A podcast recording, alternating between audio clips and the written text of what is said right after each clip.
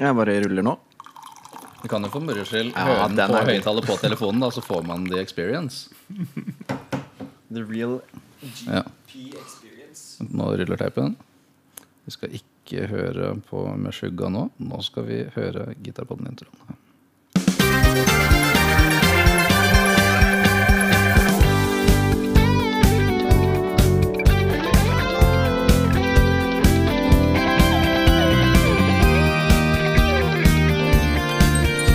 Ja, jeg blir litt trist, jeg, for vi hadde aldri sånn eh, TV-shop eh, Vi hadde aldri TV-shop da jeg var liten, så Og der, der. der var vi tilbake igjen i studio, basically. Ja, TV-shop er tilbake igjen. munn full av lefse. Mm, det er deilig. Vi eh, er jo et veldig celebrert eh, lokale her og har både fått eh, brunt gull i koppen, og vi har fått lefsegodt tilbudt Ja, og nydelig. akseptert. Og det er jo jævlig stas. Ja. Hvor er vi? Vi er i Jeg vet ikke hvor vi er. Carl Bayers gate, som dette her ofte går under uh, pseudonymet, holdt jeg på å si. Eller Carl. Meyers gate. Det står et skilt eh, over døra der. Mm. Carl Beyers gate. Veldig mange av dere skjønner jo sikkert veldig raskt eh, hva slags sted vi befinner oss i nå, og det er jo selvfølgelig på vintage gitar. Sykt stas. Så foran oss har vi Ola-Geir og Joakim. Sykt stas at dere ville være med. Sykt stas at vi får være med. Ja. Og stas at vi får komme til dere og ha dere som gjester i deres egen butikk. ja. Etter stengetid. Etter stengetid. Uvant og hyggelig å være gjest i eget eh, studio, for å kalle det ja, ja. Ja. Ja, nei, det må jeg si eh, er ærefullt eh, så langt. Ja. Dere, dere produserer jo eget content, som vi snakka om i stad. Dere har jo sånn Det fast heter um, video-livesendingsgreie. Er det ukentlig, eller er det i måneden, eller hvor ofte er det den pleier å være igjen? Ja, det, er, eh, det er noe eh, Joakim her egentlig fant spant opp som en sånn slags eh, løsning når eh, hele Norge ble stengt ned for et par år siden. Så Ja, var det jo ikke Det vi drev med til daglig, var plutselig ikke mulig det lenger. Så da, da var det rett og slett det å, å begynne å finne på noe. Og da var løsningen å gjøre en sånn direktesending på Facebook. Eh, og det begynte jo som en sånn daglig Kanskje rart at jeg forklarer om det. Jeg satt jo hjemme og hadde barskapspermisjon. Ja, men eh, men eh, jeg kan jo fullføre også. Og det var jo da begynte vi med daglige sendinger litt sånn tematiske, hvor man kanskje en dag snakket om elektriske gitarer av én type, neste dag en annen.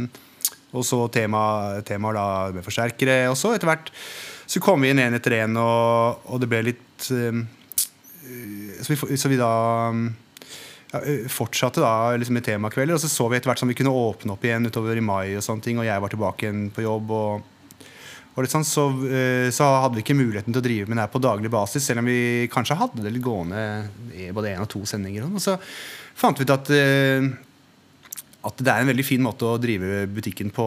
mm. hvor du på en måte får, kan få en sånn litt personlig relasjon. Du kan få litt kontakt med folk som, som eh, av naturlige årsaker har problemer med å besøke butikken så ofte de skulle ønske. eller noe sånt. Altså det, Ja.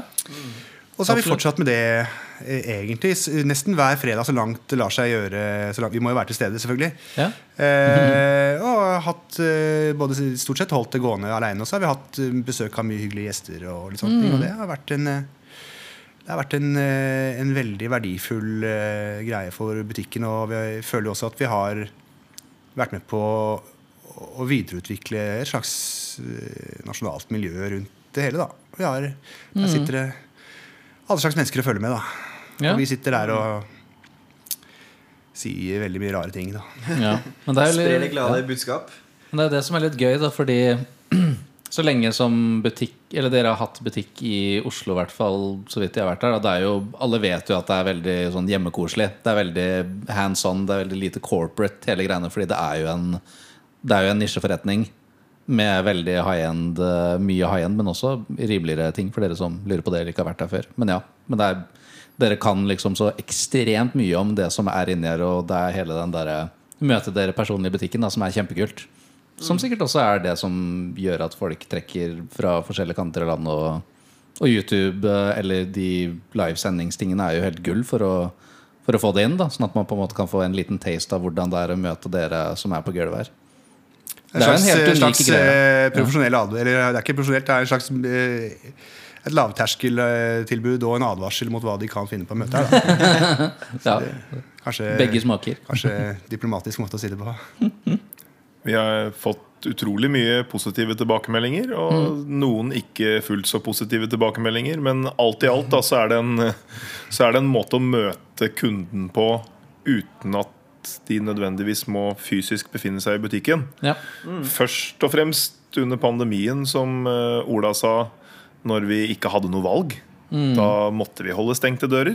Ikke sant? Eh, og seinere så har det vært et eh, verdifullt verktøy for å nå kunder utover Oslo og østlandsområdet. Da. Mange som kommer på besøk hit, som har sett uh, ting på livesendingen og har lyst til å kanskje slå en prat med oss i levende livet og prøve eller se på noe av det de har fått sett Ja, ja. på, på lufta. da. Så det har eh, vært uh, alt i alt egentlig udelt uh, positivt. Kan man selvfølgelig diskutere den, sånn, eh, den fjernsynsmessige kvaliteten på det som foregår, men det er ikke agendaen vår heller. Å lage fjernsyn. nei, lurt. det er ikke det. Det er jo å selge gitarer som gjelder å opplyse folk om gitarene man snakker om. Ja, og så ja. selvfølgelig også da gi en slags sånn smak, eh, smakebit av, av stemningen i sjappa. Mm. Den, den, den, er, den er veldig godt løs og uformell. i videoene. Og, og, selv, om, selv om på en måte kunnskapsnivået er høyt og nerdefaktoren er høy, så er det allikevel liksom lav terskel for å slå av en prat. Ja. Mm. Overfor kaffekoppen. Ja, Og, Mm. og lefse, lefsegodter. Og lefsegodt. Har dere et sånt lager stående bakpå her med paller med lefsegodt? Nei, vet du, jeg, skal, jeg skal fortelle deg veldig kort hvor lefsegodtet kommer fra. Fordi at det er en, en hyggelig godt voksen mann fra Flekkefjord. ja. Som eh, hvis navn eh, unnslipper meg akkurat i øyeblikket. Eh, men det er ikke så viktig. Han kom innom for flere år siden med sin gamle Gibson ES 330. Som han hadde spilt på og vært glad i i mange mange år, men den var fryktelig dårlig vedlikeholdt. Ja. Og så fikk han et helt, eh, et helt vanlig oppsett og service på den gitaren. Og ble altså ny, nyforelska i gitaren han hadde eid i så mange år. At uh, han ble så glad at han uh, nesten månedlig kommer innom da med, med lefsegodt til oss da som takk for hjelpa den gangen. Han gjør det ennå? Ennå, ja. Han, han var her tilfeldig, helt tilfeldig i dag. Så det er Oi! eh, takket være er eh, han at vi kan eh, nyte lefsegodt til kaffen. Da. Wow. Det er jo skjebnen. Det er hyggelig. Kasmet, som man sier på tyrkisk. Ja. Det er jo helt kanon. Ja, det er veldig sånne, sånne ting er veldig hyggelig da, når man driver Mm. på den måten som vi driver. For det er rett og slett bare et uttrykk for at han er veldig fornøyd. Det skal bare litt bakst til av og til. Altså. Så Ja, ja. det er, gjort, det er mye gjort. Men fra lefsegodt og YouTube til ehm, eh, Så vil jeg gå litt lenger tilbake i tid. For det, jeg har litt lyst til å vite hva som fikk dere til å starte en nisjebutikk rundt vintage gitarer. Og butikksegmentet, butikk-ting. liksom. Så Nå var det jo eh, verken Ola-Geir Mm. eller jeg som starta vintage-gitar. Ja, I, sant? ja. i eh, 2005, som det står å lese på skiltet Ja. der oppe, Mm. så starta vår grunnlegger Arne Hast butikken i et hjørne av sin mors klesbutikk i Kristiansund Mm. På eh, Nordmøre.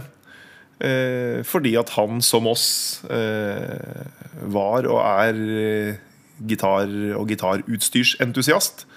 Og han savna en butikk i Norge som hadde de merkevarene og de tinga da, som han hadde lyst til å se på, ta på, prøve og etter hvert også selge.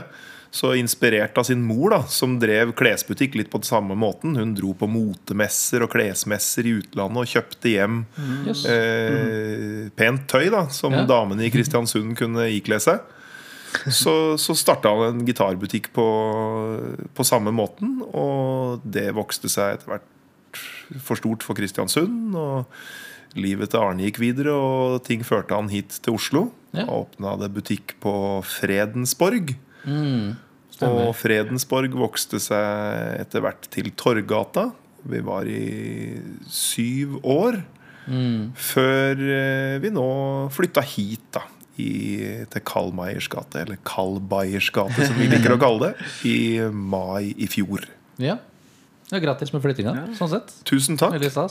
Det, det føles veldig godt. Nå har vi fått eh, bodd oss godt inn, så her er vi fornøyd med å være.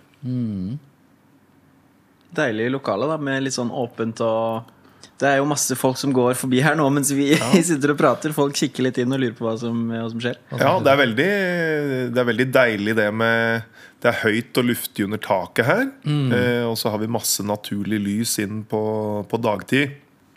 Som eh, både gjør liksom, For det første så er det et veldig flott utstillingsvindu ut mot gata. Alle som går Ja, ja. forbi her, kan se, Ja. hva vi, Skikkelig blikkfang. Det er det. Se hva vi holder på med. Og så Veggen er Veggen det av et veldig godt fanger jo manges nysgjerrighet, Absolutt. jeg tror. Og så er det klart at uh, Slags IQ-test. Om du snur deg eller ikke. Og så er det masse, masse dagslys er jo et deilig arbeidsmiljø for oss som er her åtte timer om dagen. Ja. Ja. Det er, eh, det er faktisk noe vi savner på Skaus.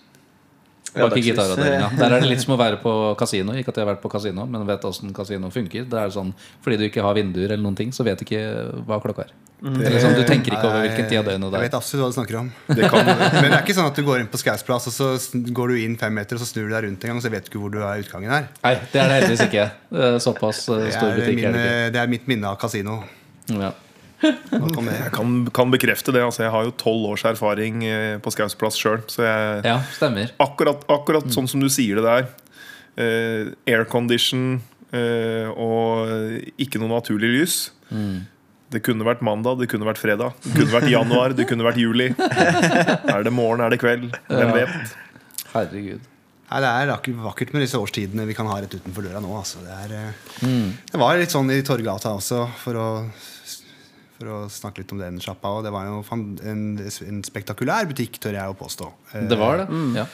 Og vi fikk veldig mye oppmerksomhet rundt det. Og, og der, hadde vi jo, der var vi jo litt større lag også med eh, Lars Jemterud og Lars Emil Dahlin og ja, en del ekstra folk. Øystein Braut. Mye. mye. Har vært mye fine folk innom.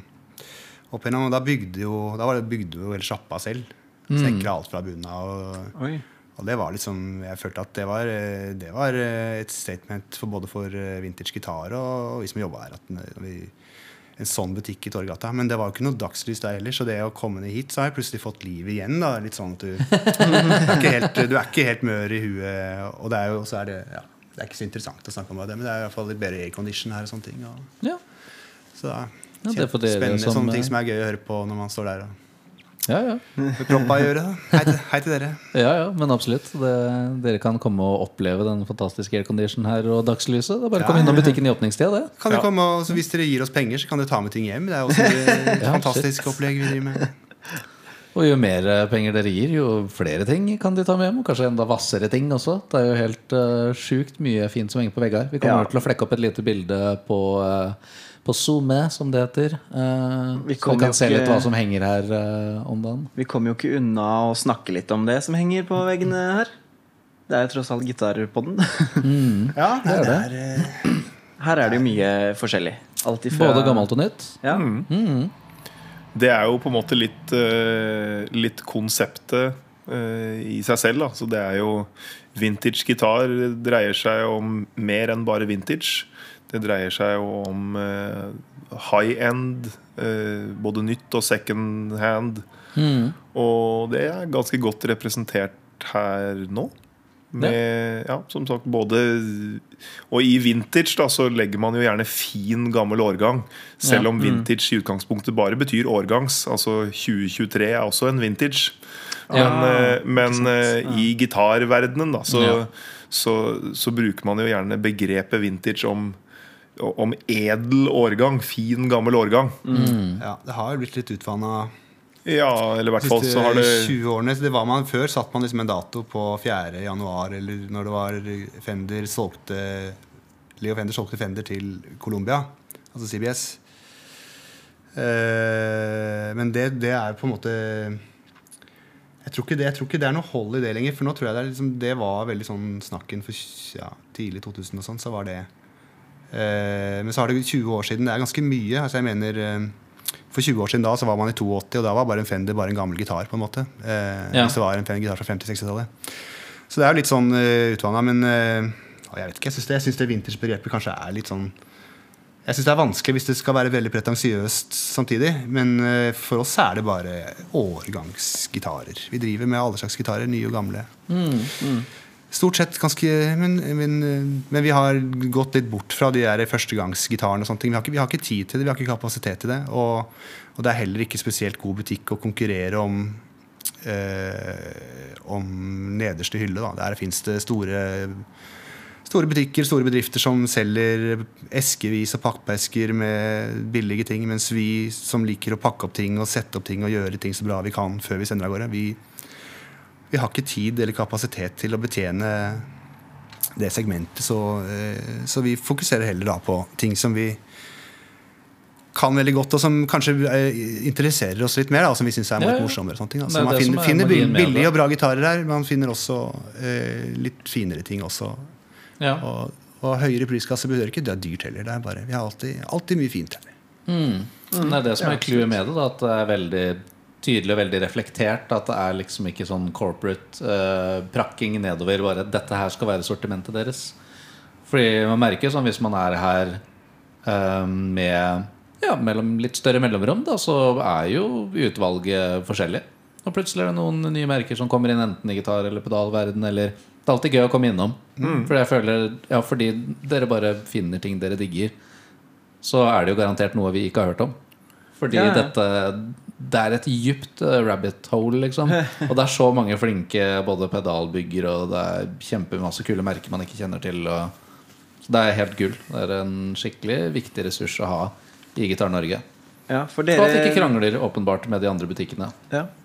Jeg føler at dere er liksom en litt annen side Eller dere kan tilby ting som uh, Som andre kjedebutikker ikke har nødvendigvis. da Av pedaler og, og gitarer. Uh, F.eks. brukte ting og de litt mer sånn high end-greiene. Jeg tror at alle musikkinstrumentbransjen er jo uansett hvordan man snur og vender på det, en nisjebransje i det store og det hele. Det er det. Altså Selv de store butikkene, selv, selv internasjonale storheter i musikkinstrumentbransjen er lilleputtbedrifter sammenligna med mainstream bransjer som forbrukerelektronikk, data osv. Så mm. Sånn at eh, eh, Og når du da koker det ned til et enda mindre marked, da, som et lite land som Norge er, så tror jeg det er viktig at alle som er involvert i den bransjen, på en måte eh, forsøker å svømme pent i den samme dammen. Da.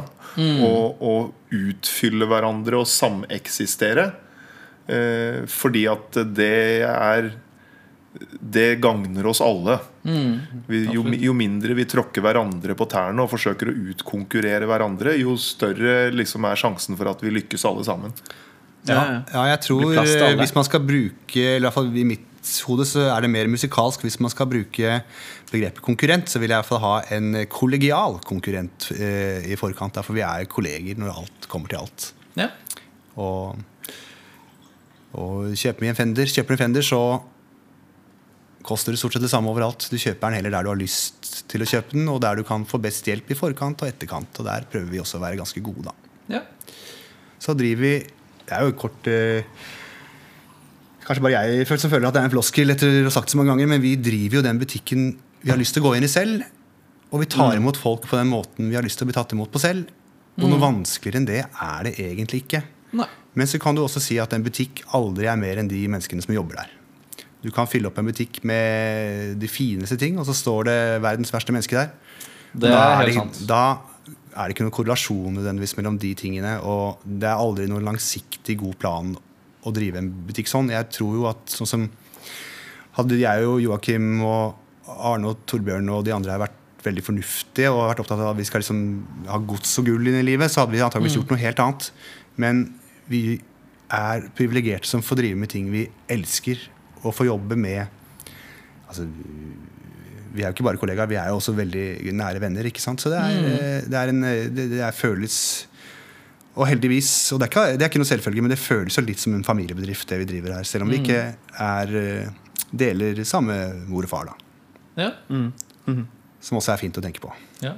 Ja, men det kommer jo bare til den der lave skuldre og lavterskelstemninga det snakkes om. liksom Fordi Man føler det med en gang man kommer inn her. liksom Det er Vi er absolutt på ballen, da. Vi, er ikke, vi står ikke med lave skuldre og er ikke, vi er ikke, vi er ikke sedate Nei, nei. eller Nei, nei, ikke, men Sånn, ikke sånn men, men jeg skjønner- hva du mener. Ikke noe sånn arroganse, holdt jeg på å si. For det er sånn i en butikkbedrift eller ting som kan inneha sånn type inventar. I hvert fall når vi ser på de tingene som henger uh, høyt. Mm. Og de som har uh, mange nuller på prislappen og sånt. Da er det sånn Ja, det, det, er, det er litt kulturforskjeller der også. Det er sånn Hvis du kommer inn i en kjempefancy smykkebutikk, så er det nesten sånn at du tør ikke puste når du kommer inn, fordi du merker at det er bare et sånn veldig sånn sterkt vakuum. Fordi det er så high end at du på en måte Du vet ikke hva du skal gjøre der. Du føler at du må, kanskje må være en litt spesiell type person for å kunne komme inn og handle i det store hele. Men det er ikke tilfellet her. I det, Nei, hele tatt. Det, jo- det er i hvert fall min erfaring, og det er det som er helt topp. Fordi jeg føler jeg kunne spurt om å prøve hva som helst som henger på veggene her. Og hadde fått god hjelp og Ja.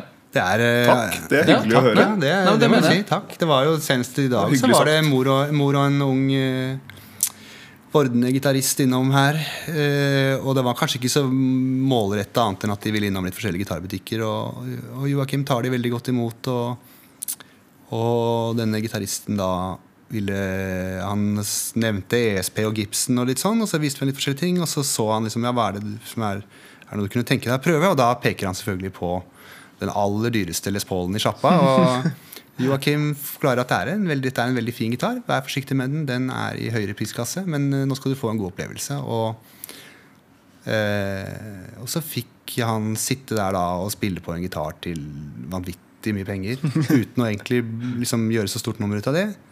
Og fikk en opplevelse. Så klart Han fikk jo kanskje, han fikk kanskje litt problemer med å puste i etterkant da når han så hva det kosta. Men det er på en måte litt sånne opplevelser er litt viktig. da For vi jeg, jeg vokste jo opp, jeg er jo kanskje han som er mest bygutt av alle som jobber her. Og jeg husker jo det å ta T-banen inn til byen og gå på de store forretningene der og, og ha med notatblokka og millimetermålet og, og holde på med sånne ting. Og, så var det ikke Det var ikke det var ikke gitt at du kunne gå inn på en stor eh, butikk i Oslo og, på en måte få aksept for det, eller at du kunne prøve ting. Det var liksom sånn du blir målt veldig opp og ned og sånne ting. Og bli kasta ut etter to minutter. Og det var, liksom, det var eh, kanskje litt sånn der, Det er kanskje litt sånn et motmiddel mot det jeg har lyst til å drive nå. Da, fordi det var ikke noe, Ja. det var ikke noe, det var ikke noe stilig det å liksom bli kasta ut av, av han dødskule ekspeditøren som sto der med, cowboy, med buksene nede i cowboybootsene og liksom, og liksom tynn hestehale og, og var verdens kuleste fyr. Da. Det er liksom ikke det, det, er ikke det er ikke en sånn butikk jeg har lyst til å drive, i hvert fall. Bla, bla, bla. Men akkurat den, eh, ja, den moten eh, Ja, det, det er jo en hard bransje å være i. Så det virker som at måte sånn er det ikke veldig mye lenger. Men jeg følte også litt på de tingene husker jeg, da man var litt sånn mindre. Ja, det må liksom hive seg inn eh, på bussen eller ta toget inn til Oslo eller til musikkbutikker ellers. I hvert fall hvis man er ung.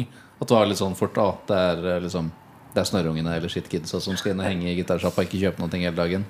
Men det å få muligheten til å kunne teste noe kjempevast og bare få gode opplevelser og få liksom Få tent en gnist da på hele hobbyen, som kanskje også kan bli en livsstil eller til og med et yrke for noen, det er jo Det er viktig. Det er, alle sjappene må Dere selger jo ikke bare gitarer, dere selger på en måte inspirasjon. Opplevelser. Opplevelser. Det er litt, Dere- Du får ofte mer enn du ber om her, ja. Ja, så man kan komme inn her og se På godt og vondt. eh, Ja, ja men blir, man blir Jeg merker det sjøl, at man, liksom, man blir inspirert av, av å gå inn her og se på alle, alle gitarene. Så, Og, så hyggelig å høre. det, Det, så det er absolutt eh, da, da fungerer den biten. Ja, ja, ja. Så helt greit, i hvert fall. Det er, eh, jeg mener, vi har jo kunder som har Som er på, ja, på vår egen alder, for så vidt. Som har kjøpt gått alt fra å handle sin aller første Squire rockepakke Ikke sant?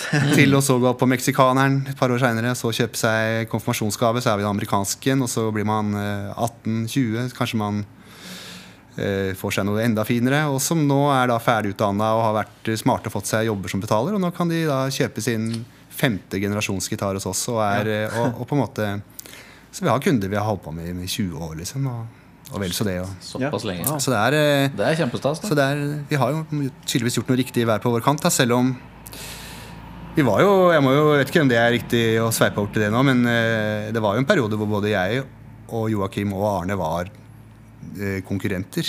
Kol kollegiale konkurrenter. Eh, Og, og eh, og, og det er Og det veldig Nei, men det er Og det er jo ekstra stas nå at vi liksom kan være At vi er en del av samme band, da. Det syns jeg er veldig, veldig kult. Men det er sånn de sier, det er familiefølelsen og liksom Ja, at butikken også er jo på sett og vis like god som folka som er i butikken. Så det er veldig kult. Det virker veldig sånn sammensveisa miljø og alt det opplegget der. Og attpåtil liksom Eller det, det hadde nok veldig godt latt seg gjøre da hvis det på en måte ikke var folk som åpenbart kunne spille og sånt sjøl. Men det er liksom man finner jo mye rart rundt omkring i andre bransjer igjen. Musikkbransjen har heldigvis folk som ofte har uh, håndfast kompetanse da, med det de driver med. Men flere av dere er jo Eller alle dere som jobber der, er jo aktive musikere hele gjengen. Ja, vi er Og spiller og demoer og holder på og har karriere i tillegg til sjappa og sånt. liksom Det er jo også dritkult å bli møtt uh, med det i sjappa. da Ja, Man havner jo gjerne i eh, gitarbutikk fordi at man har over gjennomsnittet interesse for, for gitar.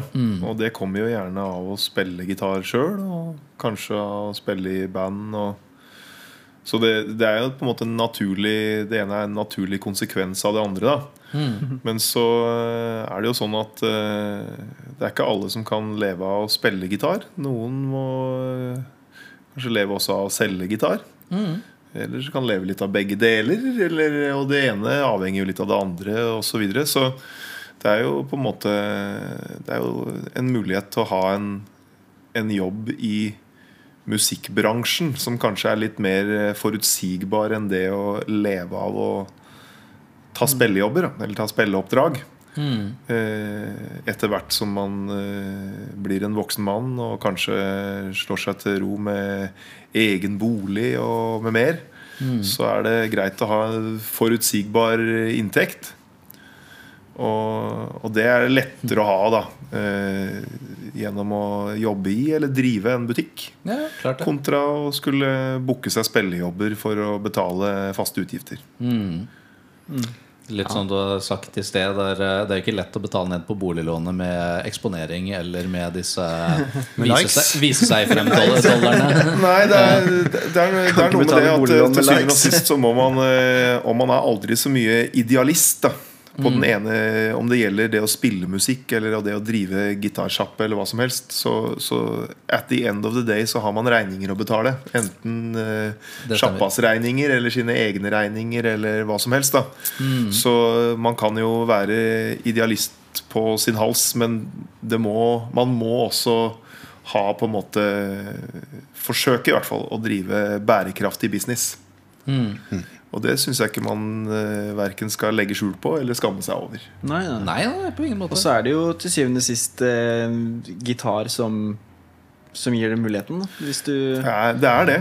Det er jo ikke bare veggpynt. Hos noen og i noen husholdninger så kan eh, nok dessverre noen fine økser bli bare fungerende veggpynt. Men Ja. liksom, det, er jo, det er jo yrkesverktøy, alt sammen som henger her. liksom Det skal vi ikke glemme. Brukskunst. Ja, Brukskunst, ja, faktisk. Det er bare Det det. Brukskunst er et å- godt uh, Fordi at jeg har jeg har heller ikke noe problem med at noen kjøper en flott gitar for å henge den på veggen, i og for seg. Eh, ideelt sett begge deler, da. Men, eh, Ja. men eh, har du Altså, det er jo en, det er en ting. Og hvis du har råd til den tingen, og lyst på den tingen, Ja, ja, så skal man. du få lov å kjøpe deg den tingen eh, om du så bare har lyst til å eh, sitte og stirre på Se på den. så, så er det, så er det din, din uh, forbannede rett da som eier av, som eier av den gitaren. Uh, så, så det er på en måte ikke Vi stiller ikke Vi stiller ingen krav til motivasjonen bak Nei, nei, nei. gitarkjøpet.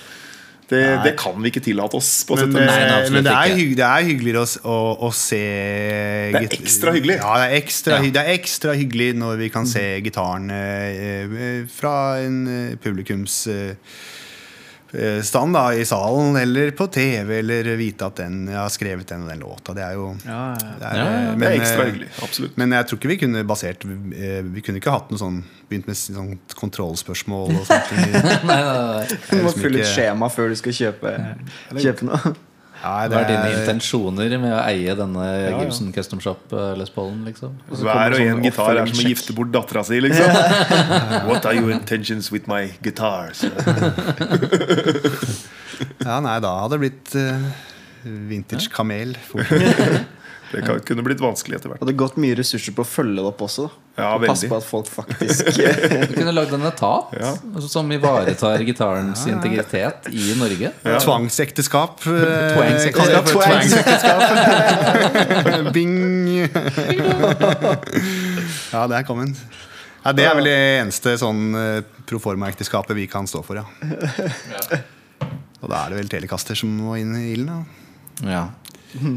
Ja, apropos eh, holdt jeg på å si nå eh, Vi skubba jo litt sånn, sånn forsiktig innom det, men det kan jo være veldig gøy å bli litt kjent med dere begge to som faktisk sitter her i dag. da Apropos det, fordi Gitarpodden er både om gitarer, og vi skal fint klare å prate om enkelte av de tingene som henger her.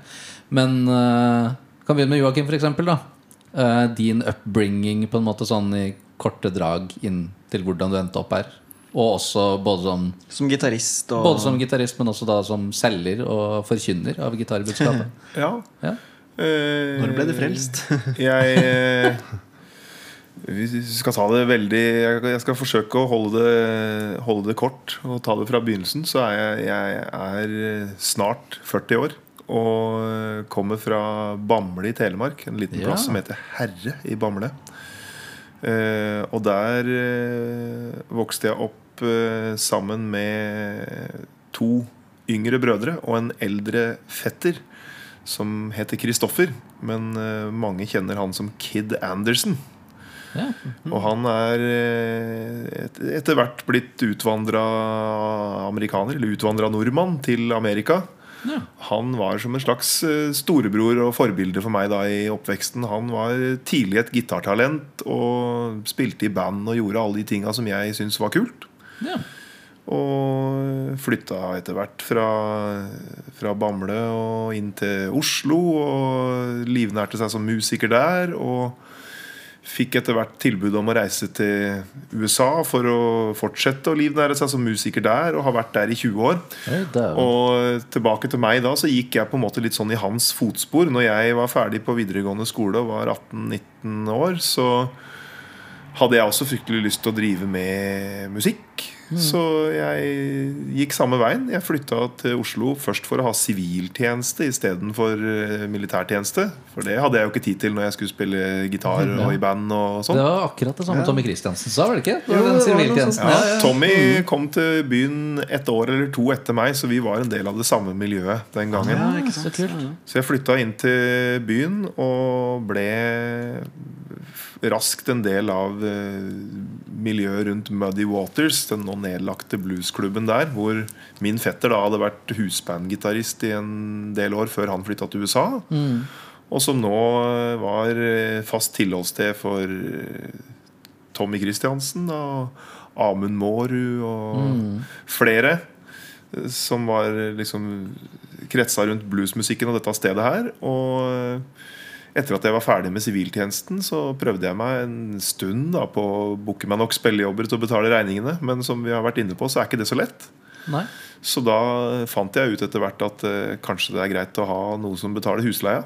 Og da fikk jeg meg en, eh, først en sånn deltids eh, ringevakt og lørdagsjobb på Immerslund Musikk i Gode gamle. Som Skipper, eh, Skippergata 28. Med Per Ludvig Olsen, rest in peace, eh, som sjef. Og videre derfra så ble jo Imerslund til Four Sound, og stor ny butikk på Skaus plass åpna i 2006. Så da var jeg med å åpne butikken der.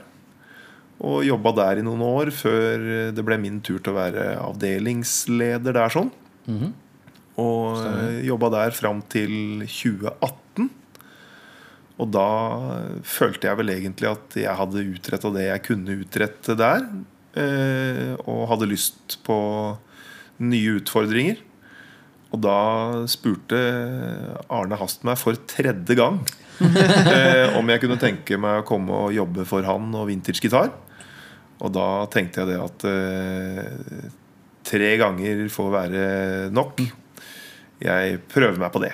Da var tida moden. Da var tida moden. Og Og tida viste seg at det var et klokt valg. Ja. ja, jeg vil i hvert fall si at det har vært et spennende valg. Det var et valg. Det var, valg. Det, har et, det, har et, det var nok et klokt valg, altså, absolutt.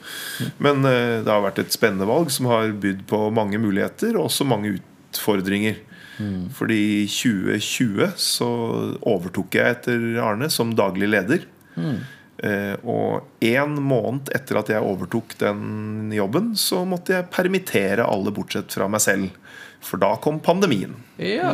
Så jeg fikk, et, jeg fikk, et, eh, fikk en, eh, et brått møte med det å være butikksjef. Så, så, jeg, så det har vært eh, Det var bratt læringskurve. Det var mye Nav-reglement som man skulle sette seg inn i. Og Ja, sånn for å.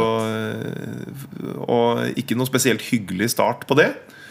Men eh, det var jo på en måte bare å være voksen og stå i det og ta de utfordringene som kom. Og etter hvert så har vi jo kommet oss gjennom. Og vi har flytta, og mange mange positive ting å ta med seg også. Så eh, absolutt ikke så reint lite stolt over at vi fortsatt er her i dag, og at vi har den butikken som vi har. Og det tror jeg i all beskjedenhet er mye takket være meg da, og den erfaringa jeg tok med meg fra før. Og det vi har fått til. Sammen, selvfølgelig også. Det er jeg på ingen måte klart aleine. Men eh, jeg tror, eh, jeg tror friskt pågangsmot og kanskje litt sånn eh, eh, Han veit ikke hva han går til. eh, var, og det er klart, hadde jeg, hadde jeg fått det jobbtilbudet en måned etterpå, så hadde jeg jo eh, glatt takka nei. Men eh, heldigvis så gjorde jeg ikke det. Så vi overlevde pandemien og lever i beste velgående i dag. Mm. Litt om meg sjøl som For å spole bitte litt tilbake, da, litt om meg sjøl som musiker og som gitarist. Mm. Så flytta jeg da til Oslo i 2004. Og med mål for øye, ganske sånn målretta for øye, om å etablere meg innen bluesmiljøet her i Oslo. Mm. Tok kontakt med de jeg kjente rundt eh, Muddy Waters. Og starta etter bare noen måneder mitt eget band. Eh, som er det samme bandet jeg har i dag. Ja, det er det. ja, Og eh, hva heter bandet igjen? Er det, bare det heter Joakim Tinderholt Band. Band? Ja. Ja, Da het Joakim Tinderholt and this and that og opp og ned og frem og tilbake.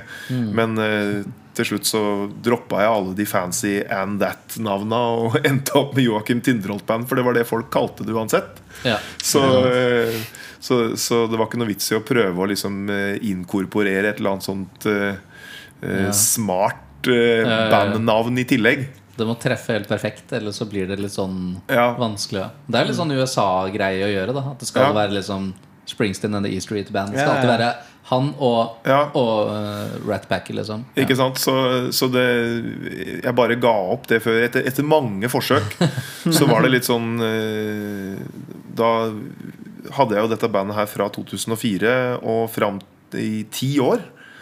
Eh, hvor vi spilte bluesklubber i eh, Norge. Opp og ned og på kryss og tvers. Mm. Og eh, i 2014 så ga vi ut første plata. Ti år etterpå var det på tide å skrive litt egne låter og gjøre, prøve å være litt original. da For at eh, vi gikk litt lei av oss sjøl og følte at vi gjentok oss sjøl og spilte for de samme folka og de samme stedene osv. Og, da, og det var i forbindelse med det da Når vi på en måte Ok, nå gir vi ut en plate. Da er det veldig Da, da er det offisielt. Da må vi velge oss et bandnavn som vi kan bli ved. Og da Ja. ble det Joakim Tindrold Band. Fra 2014 av, med den besetningen som jeg har i dag. Og eh, vi var heldige og eh, litt dyktige òg, håper jeg, og fikk Spellemannsnominasjon for den første plata. Mm. I Ja, det 2014. er jo det er jo litt dyktig, det. Applaus. uh, Ja, takk for det. Og så øh, lagde vi en plate til i 2017 og oppnådde det samme. da Så jeg håper at øh, jeg kan lage en tredjeplate og kanskje vinne en Spellemann. Da. Det hadde vært veldig stas. Selv om jeg lager jo ikke plate for å vinne pokal. Men, Nei, det er litt gøy, men, det er jo gøy å meriteres for hardt arbeid. det, er, det, er jo det, det er det det handler om. Musikken skriver seg ikke sjøl, liksom, så det er stas med alt det positive som følger med. Om så Ja. det er en sånn uh, Klart. munnharpepokal, ja. Det, absolutt. Det er jo- Vi skal helt sikkert klare å lage den til et dørhåndtak her. Hvis det blir en sånn Til handikap-dassen. Det hadde vært helt perfekt, det. Nei, og så Det godt å og så har det vært bare spillejobber i, i inn- og utland da, siden da. Siden den første skiva kom ut, så har vi altså med bandet fått turnere nedover i Europa. Tyskland, Frankrike, Nederland, Belgia, Italia. Spania. Så øh, har jeg på en måte klart å øh, vedlikeholde en øh, karriere med å spille gitar også. Ikke bare selge gitar. Ja, det er dritgodt jobba, det. Altså. Ja, men det, det- men øh, jeg er veldig fornøyd med som sagt å ha to, to bein å stå på. Ja. Fordi at jeg tror det hadde vært veldig stress å skulle forsøkt å betale alle regningene med å spille i et rhythm and blues-band. Det, blir mange, det er mange jobber på puben. Det er Ikke så mye likes heller. Nei, jeg gjør ikke det. vet du Jeg gjør ikke det, Du får dårlig betalt for eh, Dårlig betalt både i likes og for likes. Ja. Men det er i hvert fall, eh, det er i hvert fall eh, meg sånn Jeg vet ikke om det ble kort eller langt, ja, men opp, oppsummert i hvert fall. Helt uh, perfekt, egentlig. Og Kjempekult å bare høre Høre det rett fra kilden, liksom. Sånn, Ja. ja. Det er veldig, veldig stas, altså. Eh, sjekk ut uh, musikken eh, til Joakim Tinderholt Band, selvfølgelig. Dere som uh, lytter på. Dere som liker blues. er ute på spotteren og Vi fins i de kanalene som man normalt hører musikk i dag. Så iTunes og Spotify og YouTube fins det kjøper plate på Circle K. Ja, kanskje et eller annet Kanskje sted oppe i distriktene. Ja, Kanskje, Dalo. kanskje i Setter Bamble. du ikke igjen vinylplater i Circle K-disken når du er ute og Nei, det har vært dårlig til det, altså. Men vi ser, den fins på Big Dipper, da. Eh, Ja. Ja, ja. Shout-out til Big Dipper, som tar inn eh, lokal bluesmusikk. Det er ikke dårlig. Ja, ja. Det ble de sikkert kjempeglad for å høre. Også en nisjeforretning her i byen som også har stor betydning i Norge. Ja, bare det vil jeg kjempe- si. Kjempekult. Og så liksom ja, Har du en ledig ettermiddag, så kan du spasere rundt og bare ha the time of your life hvis du er musikkglad. Liksom. Ja, ja. Det er helt konge. Det er eh, deilig det at det fortsatt fins platebutikker, for det, det fins det jo nesten ikke lenger. Ja. Nå høres jeg sikkert jævlig gammel ut når jeg sier det, men jeg skulle kjøpe en eh, Farmers Market-plate. Av alle ting Ikke at det er å være gammel, liksom. Men da jeg gikk inn på Big Dipper, så så jeg kjempemange som eh, En sånn svær sånn gjeng med kids som sikkert ikke var mer enn sånn 12-13 eller noe sånt, og alle sto med hendene fulle av vinyler. Det var sikkert sju stykker i klynge som kom inn dit. Og det var bare sånn her bare det er retro-revival, liksom. Det er ikke til å stikke under stolen. Jeg husker jeg var jo kjempe-oddball da jeg begynte å samle på plater. eh,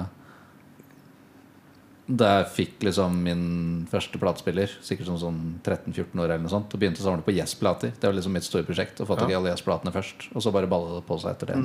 Men å nå se at ja, folk liker gamle gitarer. Folk liker jazzmastere. Folk liker uh, Ja. Det er kjempekult å se. Bare at de gamle tingene her uh, dør ikke.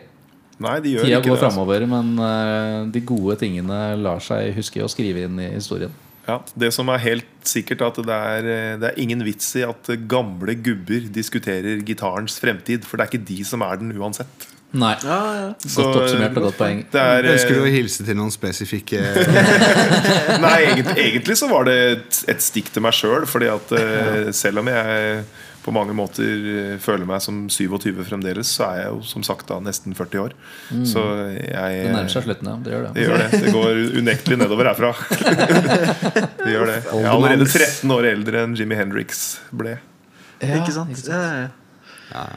Det er jo en sånn Det den. Oldemannsligaen på vintage gitar. Det er, det er, det er, det er positivt, å se, positivt å se at merker sånn som Fender, eksempel. Når Fender lanserer en signaturmodell for en ung kvinnelig gitarist som jeg knapt nok har hørt om, så er det, et- da, da er jeg trygg på at gitaren lever godt videre uten meg. ja, ja. Den er- lever godt med meg òg, håper jeg. Men, eh, men, eh, men, eh, men, men den er på en måte ikke Den er ikke avhengig av at mine idealer lever videre. Da. sånn. Den lever sitt eget liv.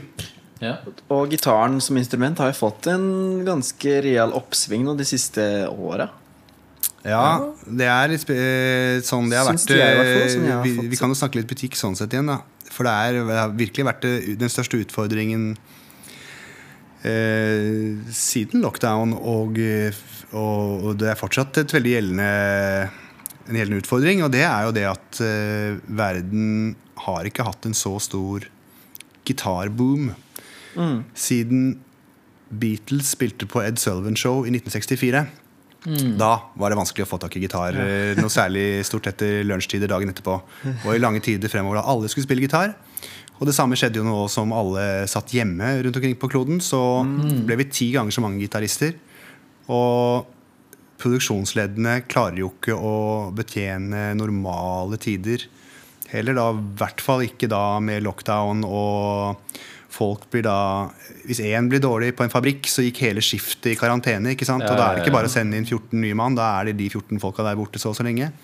Så man lagde ikke lenger 100 av 100 gitarer. Man lagde 5 av 100 gitarer, og så var etterspørselen da veldig mye høyere enn det igjen. Og det resulterer jo i at alle som har litt eh, alle disse store firmaene har jo på en måte en stor fallhøyde, så de kan jo ikke begynne å produsere eh, de samme tingene til samme prisen dårligere. så det, Derfor blir det liksom prioritet rundt hvilke, hva selger mest, hva kan vi produsere mest av, og, og, og holde en flytende økonomi på.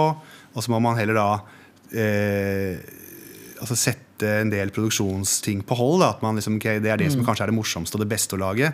Og det som er liksom flaggskipene. Men det selger vi bare 21 av, så da må vi ta, tenke mer på hva er det vi selger de, hva er de 20 tallene vi kan selge ellers og produsere billigere. og sånn. Så det er fortsatt sånn at det er vanskelig å få tak i nye, gode gitarer og fylle opp veggene her med absolutt alt det vi har lyst til å ha. Da.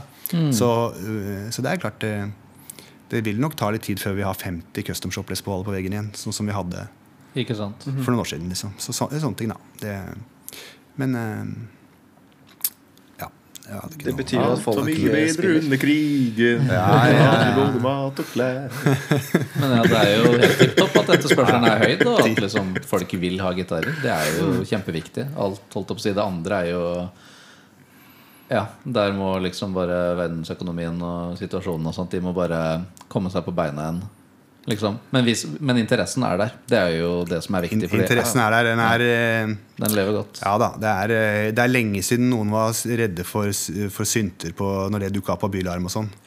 Så eh, det er, eh, det er eh, og, og mye flere folk vil spille gitar nå. Og merker at folk er mye flinkere enn de var før også. Det jeg mener verktøyene nå i, i den tiden vi lever i nå, kontra den hverdagen som vi i både jeg og Joakim er i vår beste alder eh, kan du si. Og da var det jo, for min del så var det jo da å gå på biblioteket og stille seg på venteliste for å få låne Metallica-notene. ikke sant? Og når de kom, når de, når de da fikk brev hjem et halvt år etterpå og kunne gå og hente notene, så var det selvfølgelig en eller annen fyr som hadde nappa ut 'Nothing Else Matters', da, som du, var den som jeg ville lære. da Så det var liksom, det var en annen tid. Der var det å flytte var det spole kassetter og, og platestift fram og tilbake, og, og etter hvert CD-er også når det begynte å bli litt mer allment. og sånn. Ellers så var det liksom, du kunne ikke du kunne ikke få den der, Det er riktignok enveiskommunikasjon ofte, det YouTube-greiene, sånn, men nå kan du gå inn og søke på hva som helst, og så sitter det ti forskjellige mennesker og har sin versjon. Hvor en av de antakeligvis er noe du kan få noe glede ut av. Da. Så det er jo virkelig en annen Det er jo en helt annen tid i forhold til å tilnærme seg kunnskap og, og spisse interessene sine og, og litt sånn selv. Da. Det er, så det er, jeg merker jo det at jeg syns folk generelt er jeg, husker, jeg leste et intervju med Paul McCartney hvor han mente at uh, man var veldig bra på å spille før, men særlig det folk har blitt veldig bra på i dag, er å synge, skrev han da liksom i det intervjuet, eller sa han i det intervjuet da. Og det er nok med at man er mer eksponert for, for forskjellige kulturer, og nå etter hvert så klart, nå er det jo autotune på alt, nesten alt da. Eh, og sånne ting, så det er Terskelen er lavere for å synge. Det er det, herregud. Det er, altså, jeg mener folk gir jo ut alt mulig rart. eh, som Dere må jeg- huske å autotune oss etterpå. Ja, ja, ja. Ja, ja. Det- Den, den, den står på. Ja, det er bra. Den Får sånn den Olsen. Brothers-lyd på alt her. Jeg kan gjerne ta litt korus på meg, men, Ja, eh, men eh, Nei, men eh, Så jeg merker det at liksom, når det kommer en, kan komme en tiåring i dag og virkelig spiller fletta av oss, altså, og, og vi får litt bakoversveis. Og, og av og til så er det ikke bare den Det er ikke bare ferdigheter. Av og til så bor det jo faktisk et eh, sjelfullt menneske bak der. Riktignok en ti år gammelt sjelfullt menneske, men hvor du skjønner at her er det noe mer enn bare toppidrett i fokus. Da. Det er ikke bare Men det, hvor det er noen som har De har en tone, og de kan ha noe å melde. liksom det det er jo da det først blir interessant, tenker jeg, da. Men mm. Hvis man har noe på hjertet og har, et, har noe å si. Ja. Noe å ja, skrive man, hører, man, man hører det ganske Noen Man har liksom ofte, bare en sånn Du ser det på folk også. Jeg ser på det er veldig mange som tydeligvis øver på og hvordan de skal se ut når de spiller gitar, og det syns jeg ofte blir veldig interessant. For Se, ja. nei, det er jo, nå, er ikke, nå er det dårlig TV-forhold her, da, men jeg mener at folk eh, eh, liksom eh, Hvis du ser på han eh, ordføreren, han derre John Mayer.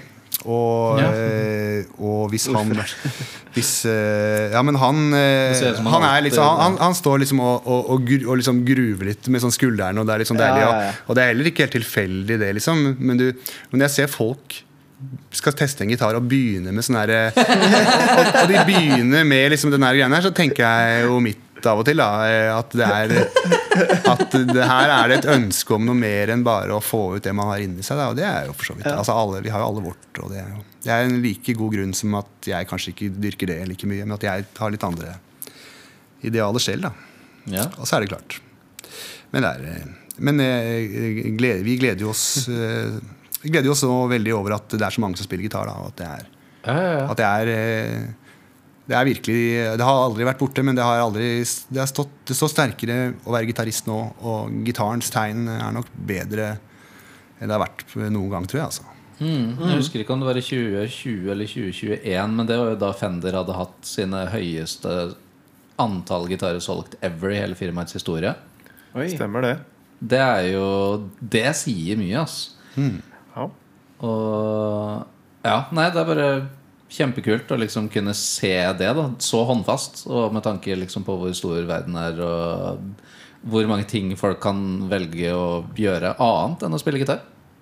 Liksom, ja det, det, Med YouTube-greiene og sånt. Altså, jeg lærte jo basically meg selv eh, flyfiske-basics på YouTube.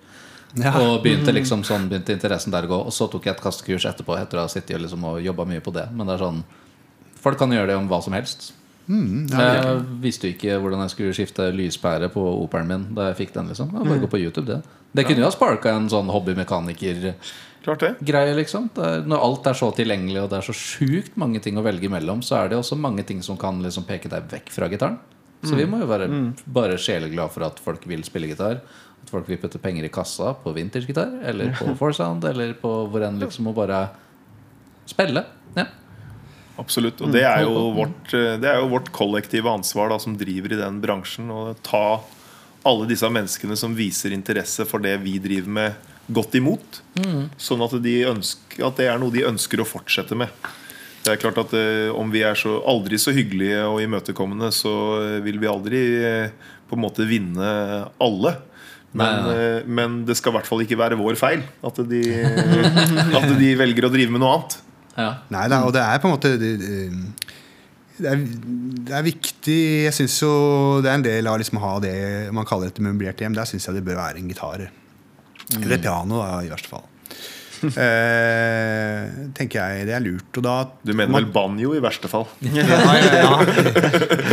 Og da mener jeg ikke meksikansk dass, men eh, altså strengeinstrumentet.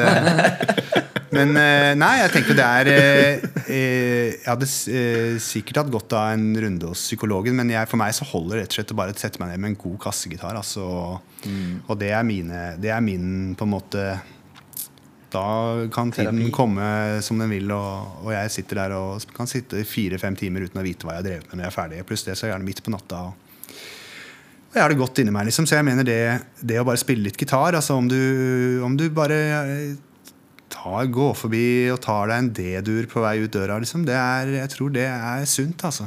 Det er sunt, Ja. å, det er sunt å spille gitar, og det er bra for huet og det er bra for kropp og sjel. Og, og du kan glede deg selv og andre. Og du, er man trist og ensom, så finn fram gitaren og dra- spill en H-moll. Og um, Den tristeste ja, mange, mange ting. Ja, ja. Nei, det er eh, Ja, noe som er inne på det er liksom-. Det er vel Nei, nei, det er D-moll som er den tristeste ja. tristeste. Altså, Ja, hvis du skal gå funksjonsharmonikken i, i sømmene.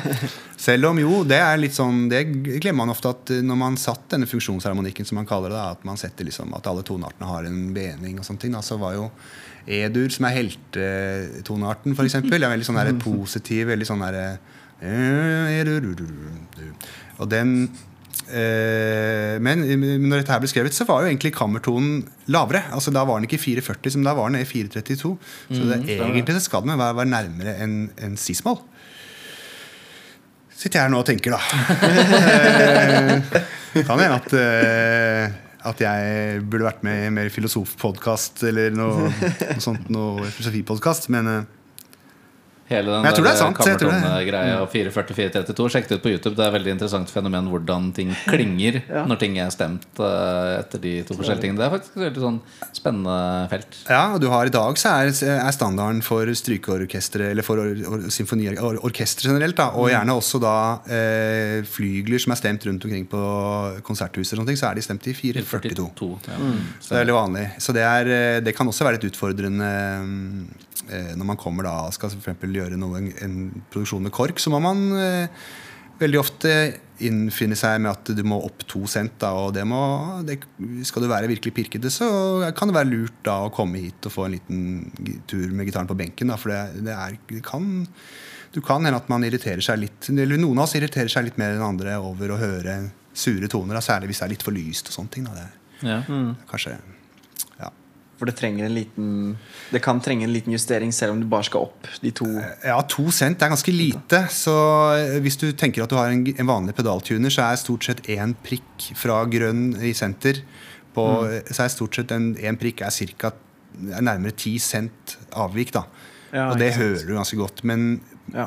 et, en gitar kan Med mindre du driver med Nei, du kan ikke det. Eh, Du kan, en, en, gitar, en gitar vil alltid være eh, en rekke med kompromisser hvis du skal ha det ganske rent. Du kan temperere det på en måte. Kan, noen, det, noe kan du gjøre ved å trykke løse, løsere hardere inn på en streng. Trykker du hardere inn, så vil tonen gå opp. Og du kan ofte spiller, Folk som spiller med tynne strenger, kan ofte, og ikke er så vant med det, kan fort trykke en, en akkord ganske surt, selv om gitaren er helt rent og godt satt opp. ikke sant? Så det er mange valører her, og sånne ting da, men, men, eh, men det er jo Jeg syns jo det er veldig stas når gitarene er godt intonert og godt satt opp. Da, for det er, det er Ja. Jeg syns det egentlig er At det er sånn det bør være. Eh, Jeg glemte litt hva jeg skulle Jeg tror jeg, tror jeg hadde en konklusjon som jeg, som jeg må bare se bort fra nå. Altså. Nei, det var jo en Men, eh, konklusjon at det var man noe innhold, at ja. satt opp ordentlig godt og godt inn. sånn Ja da, men snakka litt, jeg var litt forbi. Det er ikke, hvis det er ikke Jeg tror ikke en gjengse lytter her skal nødvendigvis skal ut med KORK og sånn med det første. Men det er, fall, det er, det er, det er en greie, da. Og, Ja, og når jeg er ute og gjør mine ting, og sånn, så er det av og til en utfordring. Da. Så kan det komme folk med et harmonium som er i 437, og da må du kanskje av og til bare finne en mellomvei hvis du skal ha hjelpe ut orkester eller spille band hvor alt skal være rent. Det er, uh, apropos mine ting, vi kan jo ta en kort uh, bio om Olageir også. Ja. Tenker jeg, naturligvis, Siden dere begge to er gjester her. Du driver jo også med litt spennende ting nå, og har sikkert uh, litt spennende å fortelle fra din musikalske upbringing. Ja, det, det, Hvor tidlig Da begynte kan jeg, du? jeg kan for en gangs skyld prøve å gjøre det jævlig kort. Ja. Det kommer jo ikke til å gå uansett, men, nei, eh, men det tar den tiden det tar. Ja, nei, altså jeg, jeg heter Ola, Ola Geir eh, Strand Raftevold. Eh, de som har kjent meg veldig lenge, kaller meg for Olga. Eh, eh, og eh, Nei, jeg, jeg er født her i Oslo, men jeg vokste opp, eh, vokste opp midt mellom Jar og Østerås i Bærum.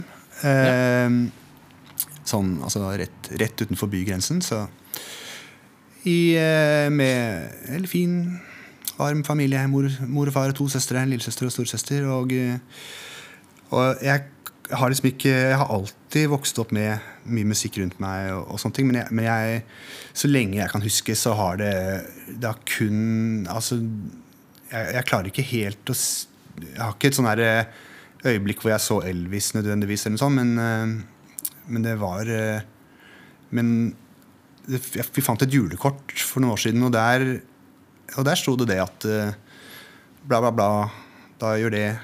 eh, Eller mor og far. Vi har, sånn har året vært. eh, Storesøster Janne Marte driver med sånne ting og på, skal begynne på skolen. eller noe sånt.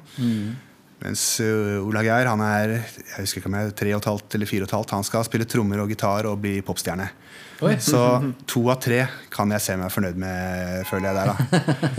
Eh, Så det har, vært, det har egentlig ikke vært noe, noe Det har ikke vært noe alternativ for meg, føler jeg egentlig. Jeg har, bare, jeg har alltid bare drevet med ting jeg liker med folk jeg liker å gjøre det med. på en måte Så jeg har spilt gitar siden jeg var liten gutt. Begynte på, eh, begynte på Gikk på eh, Bærum kommunale musikkskole med, med evig unge Dag Bremnes eh, som gitarlærer der ute. Mm -hmm. eh, nylonstrenger det gikk i, da, med eh, liksom, det, gitarens klassiske rike, som var da kompromisset mellom meg og min far, sånn som jeg forsto det, i hvert fall. At det var da kunne jeg slippe cello hvis jeg spilte eh, klassisk gitar. da, og det var også noe med Han var litt sånn opptatt av at eh, for Jeg ville jo selvfølgelig rett på Jimmy Hendrix-kjøret og, og en del sånn spille rock'n'roll. og sånn, Men å få inn, nei, vi måtte få inn det fundament, eller grunnleggende, da, fundamentet for å, legge, å få fingerspill og, og lære seg alle de tingene der. og, og det har jeg jo veldig mye igjen for nå, føler jeg. Jeg, jeg bruker stort sett ikke plekter når jeg spiller gitar, med mindre Nei, man skal gjøre ting hvor det på en måte er ryddigst. da. Mm. Men, eh, men eh, Så jeg spilte gitar siden jeg var liten gutt. Og eh, samtidig også skapte, lagde band på barneskolen, og etter hvert da fikk vi lage bandrom i kjelleren. Og, og hadde en, eh, en eh, Naturlig at han som hadde trommesett i klassen, spilte trommer. da Og han gikk de gutta, han spilte i korps og sånne ting. Og, og så følte jeg vel ganske fort at jeg ble mye bedre enn han på trommer. At jeg ville jeg måtte helt vise han hvordan jeg ville at han skulle holde rytmen. Og så etter hvert som, jeg, trom, som det bandet ble flytta inn i kjelleren hos moderne faderen, så kunne jeg spille trommer hele tiden. Så jeg, var veldig, jeg har vært veldig glad i både trommer og gitar. Ja. Og eh, begynte etter hvert og gikk fra eh, nylonstreng klassisk da, til elektrisk gitarundervisning ute på uh, til Sandvika der. Men jeg har aldri vært noe bra, vært noe bra elev. Jeg var som, som jeg syns det var jævlig kjedelig å spille minuetter i C-dur og etyde i ditten og datten. Og, og jeg, jeg syns det var eh, ordentlig kjedelig å liksom skulle jeg, jeg syns ikke det var noe kult, liksom, rett og slett, da, for, å, for å stoppe meg sjæl der. Sånn at jeg, jeg, kom, jeg var heller han som kom med, med en slags versjon av det jeg huska fra forrige time. Og, gjerne, og så gjerne med Men hør, hør jeg, jeg har sittet hjemme og lagd det her. Hva syns du om det? Sånn at, eh, Og det var for en, for en gitarlærer som da allerede hadde fått til seg en 7-8 halvliter og en pakke rullings, så var det jævlig interessant, liksom. Så eh, Hei til deg dag, eh, forresten. Eh, det var kanskje ikke ja, men det er sant. Jeg, kan, det, det er sant det. er. jeg skjønte på mange år før jeg skjønte det. Liksom, du kjenner lukta på voksne mennesker. Men det er litt sånn der, eh, Så nå, jeg mener nå er det Når jeg kommer og er onkel Tusj, så skjønner jeg jo hvor det, hvor det Fantastisk. eh, Men eh, Du var tidlig ute med å skrive og lage ting sjøl? ja, jeg har alltid spilt i, alltid spilt i band Alle bandene jeg har spilt i stort sett fra sånn, har vært i hvert fall lage ting selv. Men klart i starten så var det jo sånn man spilte jo Wonderful Tonight. Og, Ja, ja, og, og spilte jo rock'n'roll etter hukommelsen. Jeg mener det fins til og med Dette er ikke så kort allikevel, jeg skjønner. Eh, det er ett sånn minne jeg har eh, og Det fins video et sted da, som jeg har sett en gang for veldig mange år siden. Men da var det sånn klasse skoleavslutning type Når kan det ha vært? da? 94 95, kanskje 10-11 år. Og så hvor da Jentene skulle synge en sang, og de skulle gjøre det, og noen skulle turne på scenen, og noen skulle ha eh, noe spill. Og jeg, jeg var blitt spurt om jeg kunne spille mm, noe gitar, da, så jeg tok med nylonstrengsgitaren min og eh, satte meg på en krakk og spilte Tears in Heaven eh, etter hukommelsen. ikke sant? Med alle, alle jentene vi satt på dingla på, med banda foran på salen. Og der satt jeg med, med scenelyset på. Eh, problemet med akkurat den, den versjonen eh, den kvelden der, var jo at eh, jeg ble så nervøs å se på alle disse jentene som satt foran meg. Og, og, så jeg tror jeg lagde en versjon som var litt sånn eh, adlib eh, på en 12-13 minutter. Og når, når da, altså, så, så, og så er det da han der, det var jeg, altså, I den delen av landet så hadde folk Mange av de klassene hadde veldig god råd. Sånn. Eh, så der var det en fyr som hadde sto og filma alt. Da, og så husker jeg der på videoen så hører du sånn derre tror, Noen prøver jo å begynne å klappe og applaus ikke sant? Sånn etter 7-8 minutter, men det var ikke når, du når du ikke får gehør for det fra scenen, så, så må du bare vente. Så, ja, Være tålmodig, ikke sant? men så går det da så slitt, og så er det endelig slutt. da Og så hører jeg Og så kommer det faen meg et refreng til, ikke sant? og da hører du, da hører du bare han Børre bare Nei, fy i faen, altså! Nei, og, Og, og, da, ja, da, var, da hadde han fått nok. Altså, Sto der kasta bort en kvart VHS-kassett på, på Unger Aftevold. da. Men eh, det, det, det, tok jo ikke, det, tok jo ikke gnisten fra meg. Men det fins den videoen? Eller er det, gamle det- Mot i brøstet-episoder over den? Nei, nei, det, nei, den kan godt tenke jeg skal, Det skal jeg prøve å finne ut av. Men dette er jo folk jeg ikke har snakka med på, Ja, altså, på, mange, på mange år. Dette dette er jo bonusmateriale på en eller annen utgivelse en eller annen gang. Ja, ja det er eh, Det der er, eh, det er Jeg tror jeg kunne hatt glede av å se det selv. Altså. Det er disk 2 på en eller annen DVD. det heter her Dere må få en skjerm eh, oppi der hvor den kan rulle og gå på repeat. Så her i lokalet. Ja. Ved Jeg tror jeg heller har litt bedre for meg å selge det til f.eks. Flytoget, eller sånt, så de kan ha det på Ja, det er verdt kan jeg, få, kan jeg eh, betale Børre litt for eh, bryet òg? Kan legge på litt for- og etterord, så har de jo egentlig, hvis det var, ja, hvis det var sånn 15 minutter, eh, 12 minutter eller noe sånt, så er det jo det fra Oslo S og inn til, eh, inn til det. Legg på litt foran og bak, så har du akkurat liksom den togturen. Ja, det er Men ikke du kom deg heldigvis videre da fra 12 minutters Tears in Heaven. Ja da, jeg kan absolutt Ja. fremføre 12 minutter til Heaven i dag eh, også. Eh, også eh, da, på samme premissene. At det Fremdeles etter hukommelsen. Etter ja, ja, absolutt. Etter sviktende hukommelse. Et, mer, mer det, altså. Den versjonen etter hukommelsen. Ja, ja, ja. Nei, det mm, Det er eh, ja, det, det var den låta som gjaldt, da. Men eh, eh, Nei, og så spilte jeg i band og sånne ting. Og, og alltid hatt jeg var, Men så når jeg var eh, ja, dette er for så vidt foreldre, da kan jeg si det. Jeg, jeg drev litt med tagging og sånne ting også i tidlig tenåra. Ja. Som, som alle andre gjorde. Til og med Jeg husker vi jeg husker til og med at eh, jeg så Anders Behring Breivik på graffitiveggen på Bekkestua en gang. Han var, han var like dust da som han er nå. Eh, men da var det også sånn her at eh, jeg hadde to Eller var to karer fra, som gikk på Steinerskolen på Grav, og jeg gikk på Grav skole. Som da, nei, ikke, eller det var ferdig der, da, men det var Steinerskolen på Grav rett ved der vi vokste opp. Og eh, han ene fyren kunne jo ikke Hadde jo ikke skrev så stygt, da, så jeg tok og tagga over hans tag, og så skrev jeg 'lær, lær deg' og skrive eller noe sånt. Skrev et eller annet. Så jeg fikk beskjed om å møte opp på, ut, utenfor Østeråsklubben eh, lørdag klokka ett, for da skulle jeg få grisebank. eh, og så jeg og jeg drar opp dit, da. Og, men eh, den, det ble liksom ikke noe, ble ikke noe bråk. Det, vi klarte liksom å jeg tror jeg som i så mange andre situasjoner har greid å prate meg ut av veldig mye rart. ass, Selv om jeg har prata meg inn i mye rart også. Så, så da endte jeg opp med å spille i band istedenfor med de gutta. Så, eh, så jeg, begynte, jeg, jeg, jeg begynte å spille ble, ble, Hvis jeg kunne spille trommer i det bandet, så, så var det greit. da Så da begynte jeg å spille band med de gutta, og da var det litt sånn Det var veldig Så, så da var det mye liksom, trua med juling til å plutselig være i band sammen. Ja, det, det, Det er nesten litt som det med dere som eh, Hva skal jeg si, konkurrentene som ble kollegene. Ja, Der kan man se at man eh, Ja, legger ja, ned våpnene og Da skjønner jeg at du ble selger. Hvis du klarte å jeg unngå å- bank, og så selge deg en som trommis i Ja, bandet. ja, Liksom. ja. Jeg har fortjent eh, mye juling opp igjennom. Altså. Jeg har aldri fått meg en eh, touch wood. Uh, slår meg selv i huet her. Uh, jeg har aldri fått meg en skikkelig på trynet. Jeg har ikke noe, jeg har ikke noe ønske om det heller.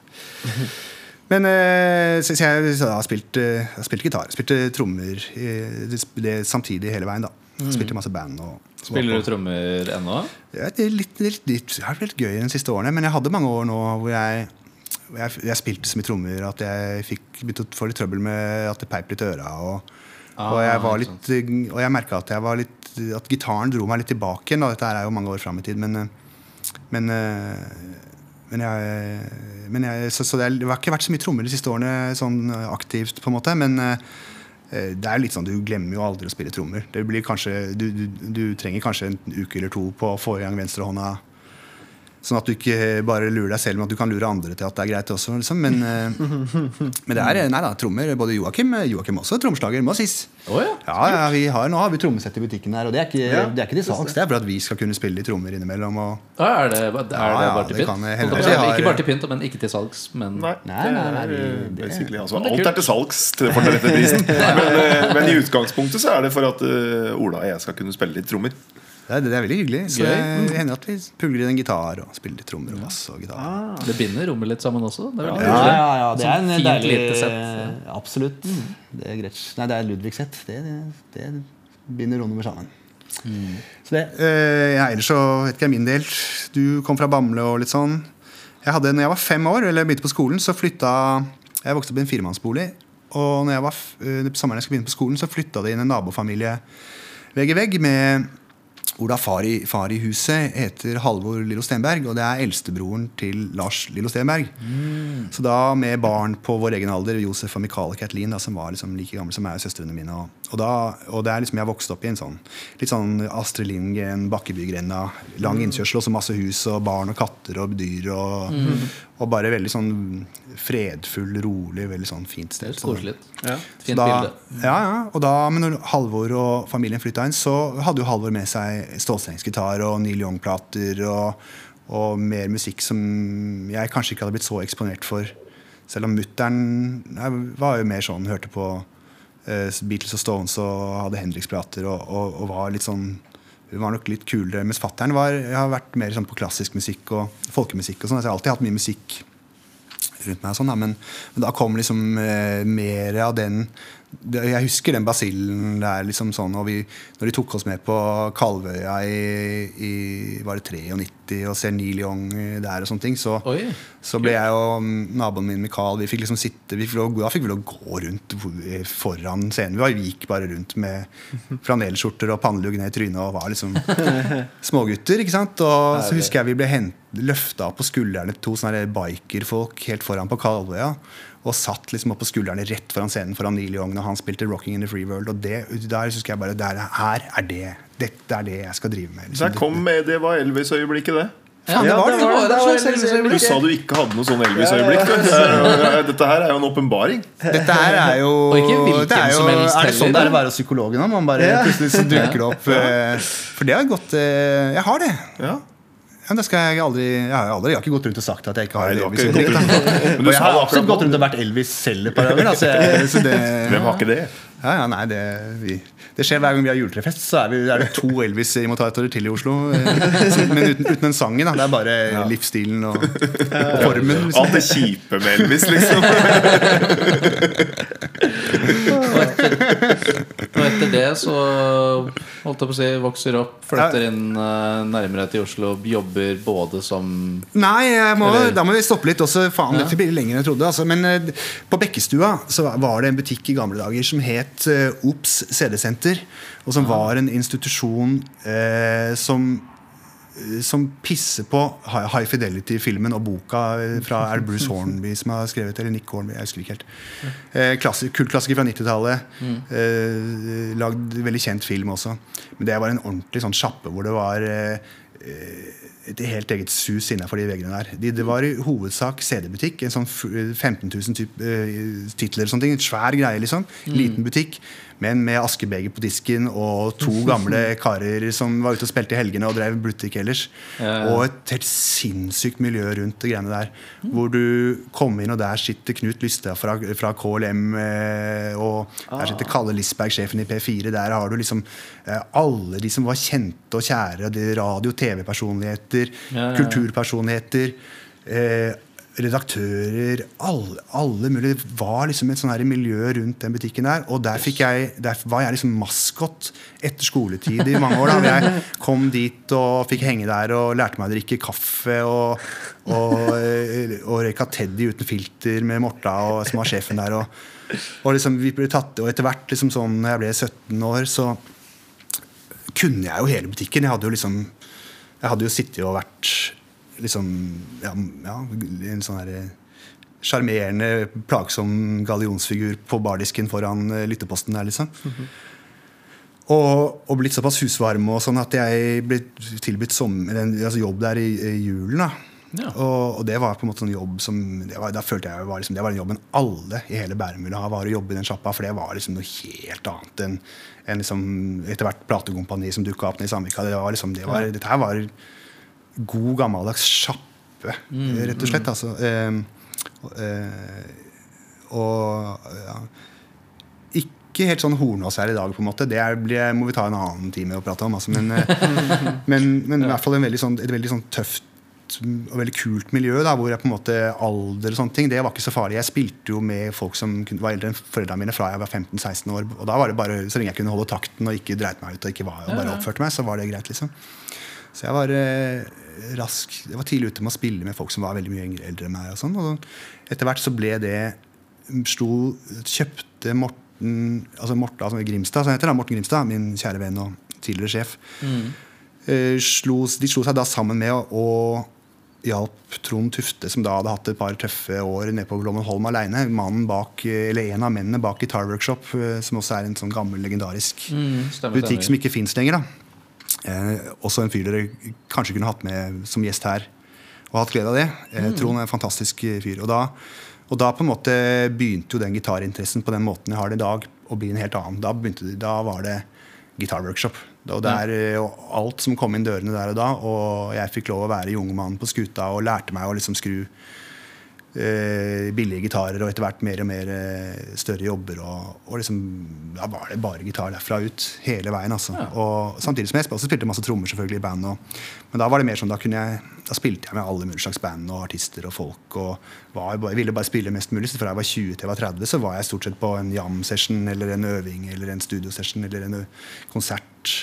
Eller et eller annet sånn nesten hver dag hele uka. Det var alt jeg ville drive med. Liksom. Og alle jeg Deilig, da. Spilte bare med venner. Spilte masse band. Og, ja, jeg tror kanskje Jeg, jeg, må gi meg nå, altså. Ja, Eh, men Men det er eh, vært det. Holder på fortsatt. da, Spiller Ja. gitar. Jeg har ikke noe veldig aktivt eget band for tiden. Det har jeg ikke hatt eh, overskudd til på et par år nå. Men eh, har en liten trio med, med to kjære venner som vi har. Vi har en del låter som er ålreite. og sånn, Men eh, det er meg det faller på. Jeg har ikke, jeg har ikke det der, jeg er en sånn bandfyr. Jeg har ikke jeg har ikke noe ønske om å være Jeg har ikke egobehovet nok til å liksom være han som står i front, og jeg er heller ikke liksom en så sønderrevet sjel at jeg må det for å overleve. liksom Ja, ja, ja. Nei, men det er mange veier til uh, rom, liksom. Ja, Det så, eh, så jeg vil gjerne jeg, men da, Og trioen da Ofte er det jeg som må stå og synge, og det er da ofte Det er ikke at det er dårligere at jeg ikke liker det, men jeg bare er liksom, som så mange så er jeg ikke så glad i min egen stemme. Og, og jeg syns eh, Jeg lar meg av og til forundre litt over nivået på det folk gir ut i dag. Da, at det bare er Ja. eh, ditt ut. Mens for meg så ville det vært Så er det liv og døden og sånne ting gjelder. Og da, hvis det ikke er bra nok så for, meg, for meg selv, så har jeg ikke noe stort behov for å få bekrefta det hos alle andre. da ja, ikke sant. så, men eh, kanskje gitar er kanskje interessant å si også at eh, når jeg var Når jeg var i ja, Jeg vet ikke hvor, hvor gammel jeg var, 2006 eller 2007. Så av eh, naturlige årsaker da, ute på Guitar Workshop så dukka jo etter hvert Øystein Greni opp, som også hadde vært på en måte en maskot i der i gamle dager. Og vi fant tonen der veldig fort. Da, og, og så ringte telefonen en sommer. Da var jeg på en hyttetur, og så ringer Øystein dødstidlig på en søndag morgen og lurer på om jeg kan være med til uh, Tyskland. Og være gitartek for han en uke.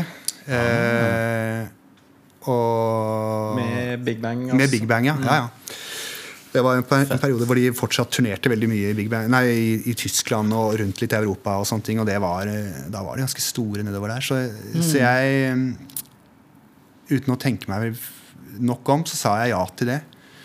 Eh, og da, og det, det satte jo gang på en måte Da fikk jeg plutselig kasta meg inn på de store scenene og litt mer hvordan, hvordan det er å være i det, i det segmentet hvor det skjer fort. Da, hvor det er mye. Hvor, det er liksom, hvor du er på festivalscener, store, store scener og rigger, og du, har liksom, du forholder deg til en veldig tight, proff timeplan. Mm. Riktignok så begynte det her nede i Tyskland. altså det var jo det var en litt annet game, og sånne ting der, men det var jo det var et sjokk eh, første, første dagen hvor Øystein hadde bagatellisert litt det der hva det innebærer. da, Fordi eh, han som jeg også er veldig glad i, driver med med veldig mye gitartuninger og det er veldig mye forskjellige stemninger og veldig mye rare ting. Ting som kanskje ja, ja. bare gjør som bare, er, som bare virker som fornuftig for en par eh, mennesker her og der. ikke sant? Mm. og sånne ting.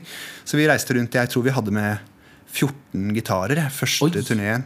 14 gitarer og to-tre basser. Og hvis det la oss si at det var 14 gitarer, og si at det var 18-20 låter, så er det i hvert fall 16 store skifter i forhold til tuning. Så det var jo greit å ha mye gitarer. Ja.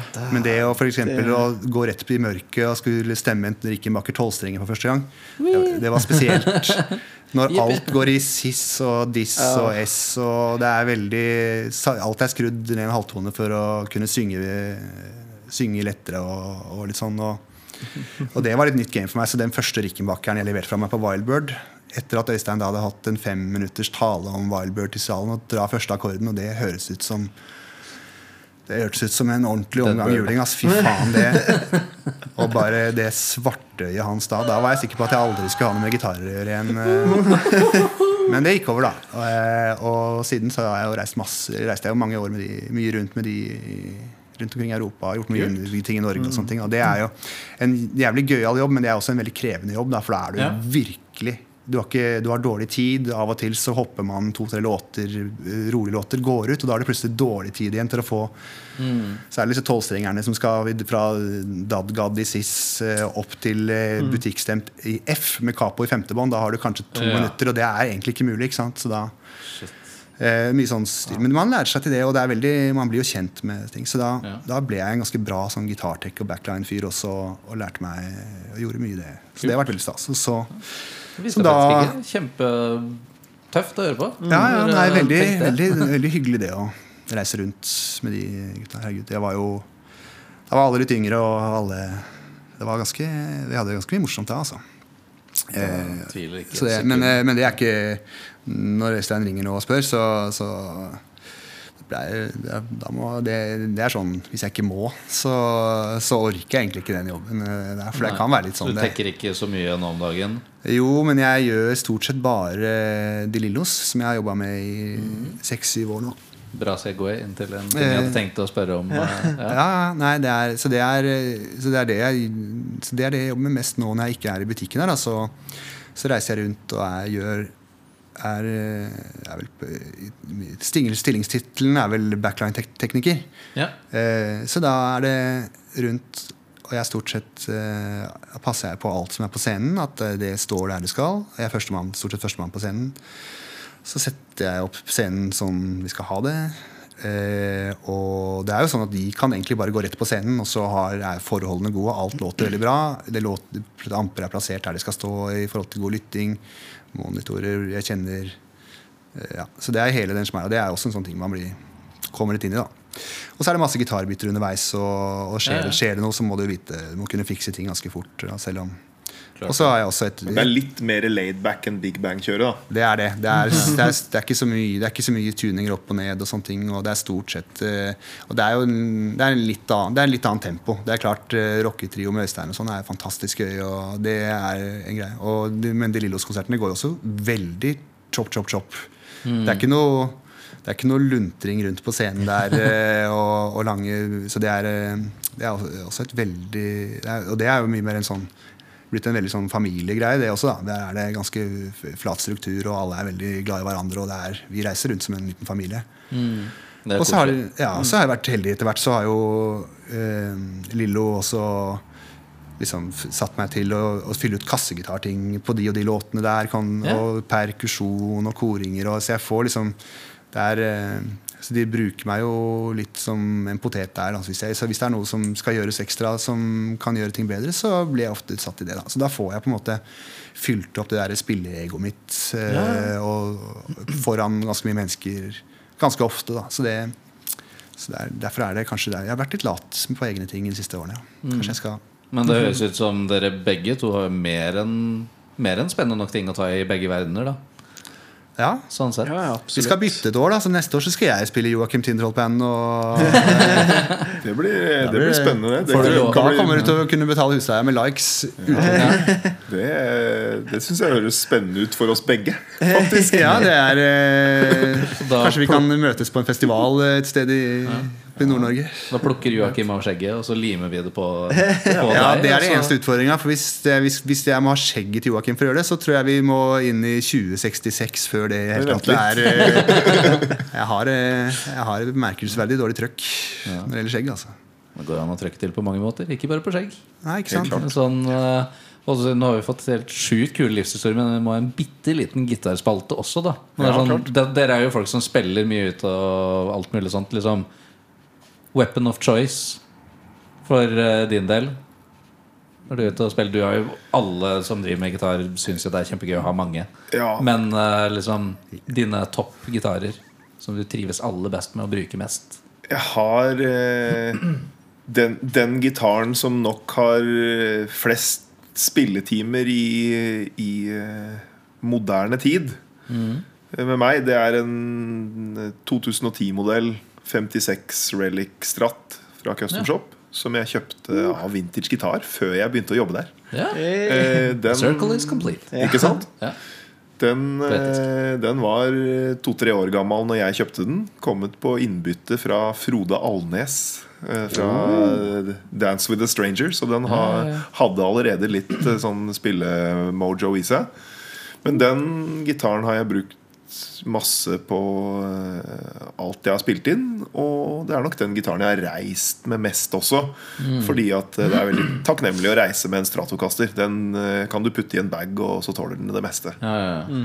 Det er en planke som tåler juling. Det Det er, en planke som tåler juling. Ellers så har jeg, som et godt møblert hjem bør ha, en god Les Paul og en god telekaster. Og etter hvert fått meg en god jazzmaster, som jeg har brukt mye de siste mm, det føler jeg det jeg har sett eh, Ja. mest med, i hvert fall på bilder. og De siste, de siste par, eh, par åra Jeg sier par åra, men de siste par åra er egentlig fire, da. For det er jo to år vi ikke regner med. Ja.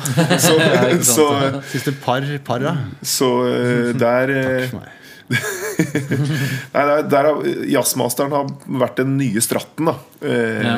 en periode. Og det er jo litt, litt også fordi at uh, uten at jeg tenkte over det, så blir jo en gitar Den blir jo slitt når du bruker den mye. Så, eh, så stratten min hadde ganske sånn nedspilte bånd og sånt nå, apropos det der med godt oppsett og sånn. Så den var liksom ikke Den ga meg ikke det samme kicket lenger. Så jeg gikk litt lei av den, og så fikk jeg en ny jazzmaster, og så ble det den nye stratten. Ja. Men så, eh, så leverte jeg stratten til eh, min gode venn gitarmaker Erik Velo på Gulden Ja. Guitars. Erik er en magiker. Så han er en magiker. Han skal vi på besøk til. Det da må dere hilse. Han er min foretrukne mann, eh, i hvert fall når det gjelder mine egne gitarer. Mm. Eh, mye fordi at han er en kamerat, og det er alltid litt ekstra når du, å gi- fra seg noe du er glad i til en kamerat. Det føles litt ekstra trygt. Mm. Så, eh, så, så da har faktisk Stratten fått en liten revival igjen nå i det siste. da Kult. Etter at den kom tilbake igjen fra han og hadde fått eh, oppsett og, og båndslip med den eh, fantastiske Plekkmaskinen. plekkmaskinen som Ja. han eh, En av de eneste i Skandinavia. Ja, det, så det er ganske det, det er den jeg ja, Stratten har jeg brukt mest. Jazzmasteren kanskje mye i det siste. Ellers så eh, er jeg glad i både Les Paul og Telecaster også. Akk-gitar, da? Jeg har bare én. Eh, Ja. Jeg har én Gibson J45 som jeg fikk for ti år siden. Jeg fikk for ti år siden, til 30-årsdagen. Det er så det fikk trenger, jeg, det. fikk jeg det. Og den er jeg hjertelig glad i. Og, og en, det som også er fint når, når du får en ting i gave, da, det er at da, da kan du jo ikke selge den. Nei. Altså, det er, den er på en måte ikke min å selge, for den er, den er bare en gitar. Den er ikke penger. Ikke sant? Ja, ja. Og det er jo kjempedeilig. Så, så den, eh, fordi at det, har jeg kjøpt noe selv, så er det selvfølgelig min Det er veldig sjelden at jeg selger gitarer, for så vidt. eh, Men, men har man kjøpt en gitar, så kan man på en måte selge den. Men eh, når jeg har fått en gitar, så Ikke ønsker jeg å selge den, men det har aldri vært inne på tanken, fordi at det er liksom ikke en option når du har fått noe av noe. Deilig. Mm, Den fikk jeg i, gave av min kone og av eh, venner og kollegaer. Så sykt hyggelig. Ja. Stas. Den har jeg brukt mye. Mest hjemme, men litt ute også. Jeg er, jeg er elgitarist. Ja, Det, er- det er mitt instrument. Men, eh, men eh, kassegitaren er en god nummer to. da. Kult. En uh, Ola Geir her, da. Hva slags uh, Hva er din, dine livsgitarer? AKL. Jeg prøvde liksom å å koke det ned fort, liksom. Jeg mangler en Les Paul Junior og en jazzmaster. Mm. Eh, ellers er jeg veldig glad i Jeg, har jo, jeg spiller jo mye kassegitar. Og har alltid gjort det. Spilt mye Jeg er veldig glad i en god akustisk gitar. Så det den, den gitaren jeg kanskje er mest glad i, er nok den første bra kassegitaren min. er en, en Martin D28 fra 2003, tror jeg. Tre eller fire.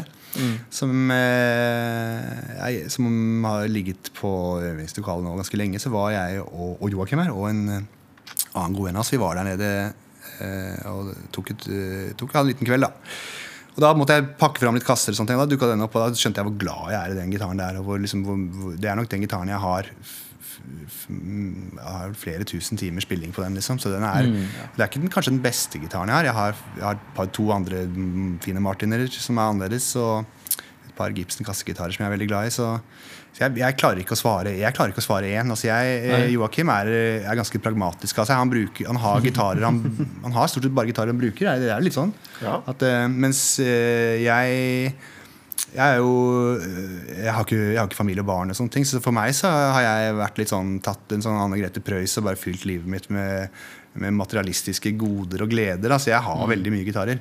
Og har, ikke, jeg, jeg har ikke noe problem med at en gitar ligger eller står i, henger på en krok eller står i en, ikke blir brukt på fem år. Det har ikke noe, er ikke noe mindre glad i den for det, men da har jeg bare Plutselig, men Plutselig plutselig så, tar får- man tar man den frem, igjen setter den opp med nye strenger, og så skjønner man ikke hva man har gjort de siste fem åra. Sant? Men uh, det er klart, den første, det var den første bra gita- elgitaren. Kassegitaren min, kassegitaren min var jo den Martin D820-en som jeg mener er alle kassegitarers mor. Alle, bør, alle som har, er store nok til å spille på en D820, bør tenke at det er, en, det er Ja. liksom et, et bra delmål her i livet. Da, mens man har sjanse til å traktere noe sånt nå.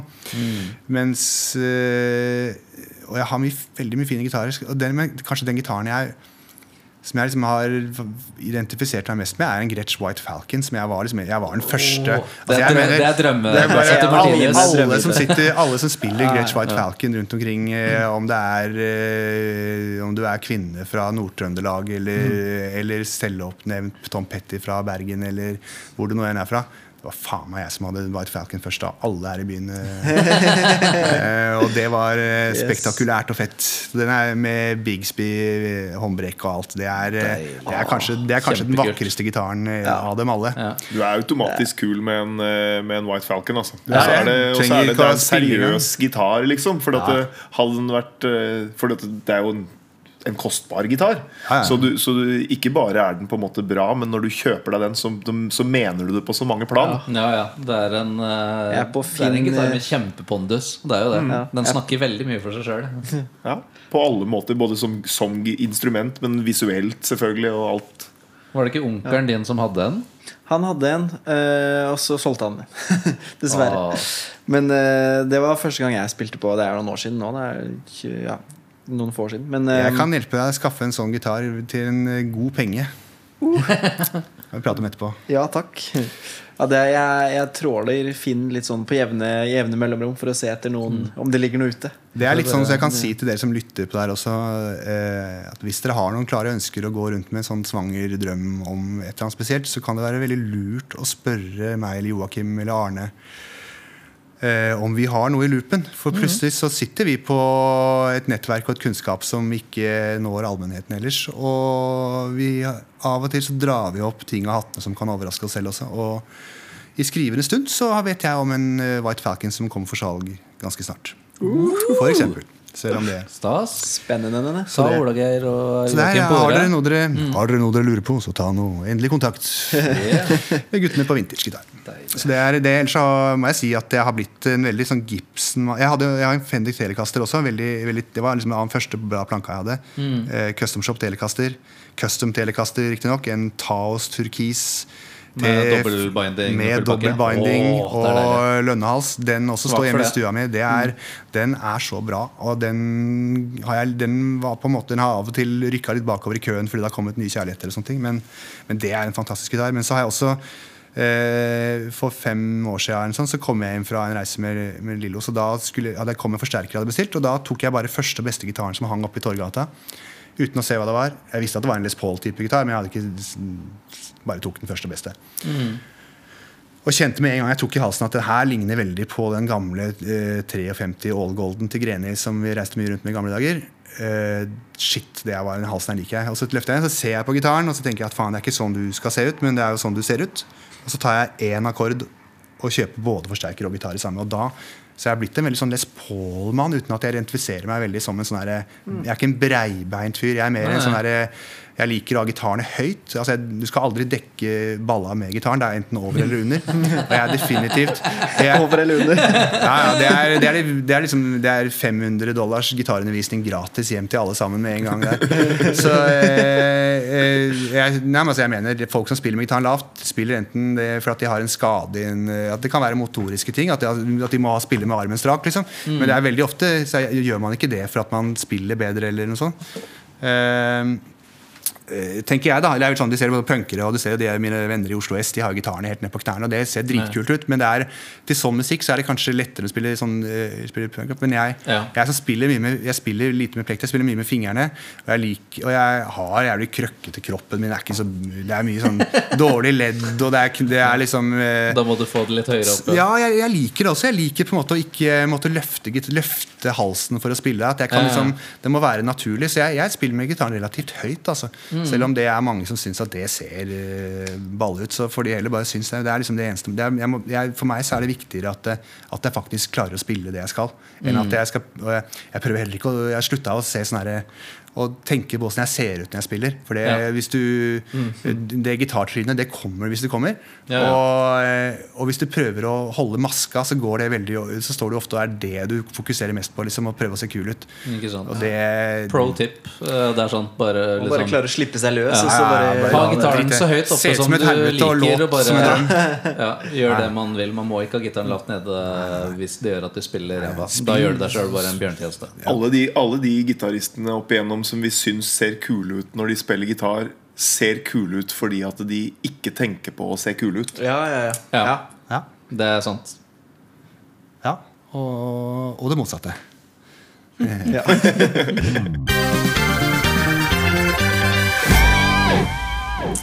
Så det. Ja, for en fantastisk eh, reise gjennom eh, vintagegitar, gjennom eh, Ola Geir og gjennom Joakim. For en fantastisk reise gjennom det. Ja, ja sånn Det var, i det var i hvert fall en reise. Det var i hvert fall en reise. Ja, det, det er hyggelig. Eh, takk, Ja. for, takk, takk for, for hyggelig veldig, prat. veldig hyggelig at du fikk være med. Herregud, eh, så stas, da. Folk må jo bare fortsette å komme hit, så kan vi prate både lager, lager podkast i hverdagen òg, vi. Det er- Ja, ja, ja. Vi skraper bare toppen av eh, isberget for hva disse gutta her er i stand til å koke opp av gitarprat. Mm. Så Vil for dere dere som virkelig mer? virkelig vil gå dypt eh, til verks, sjekk ut videoene deres eh, som de legger ut på fredager og sånt. Og enda bedre, kom til sjappa. Heng, er- få litt eh, kaffe i koppen og bare have a good time. Og så må dere huske å fortelle alle andre dere kjenner som er glad i gitarer, om denne podkasten. Det er viktig. Ja, det er stas. ja, ja. Gjør det. Lik og del. Lik og del, ja. Lik og del. Absolutt. Og vips til meg. Og vips til deg, Geir. Og provisjonen på reference eh, Ja. fra venner og sånt. Ja. Så fikk du en bil, ja. Ja, Olageir har slutta å svare på meldinger. Han svarer kun på Vips Det hadde vært fint. Ja, men da tar vi fort oss det og så- beveger oss eh, videre. Og vi takker for besøket her i Carl Bayers gate. Ja. Så får alle våre kjære lyttere der ute eh, la dette synke godt inn. Og håper dere likte vårt møte med Vintage Gitar med Joakim og Ola Geir. Vi sees. Bye.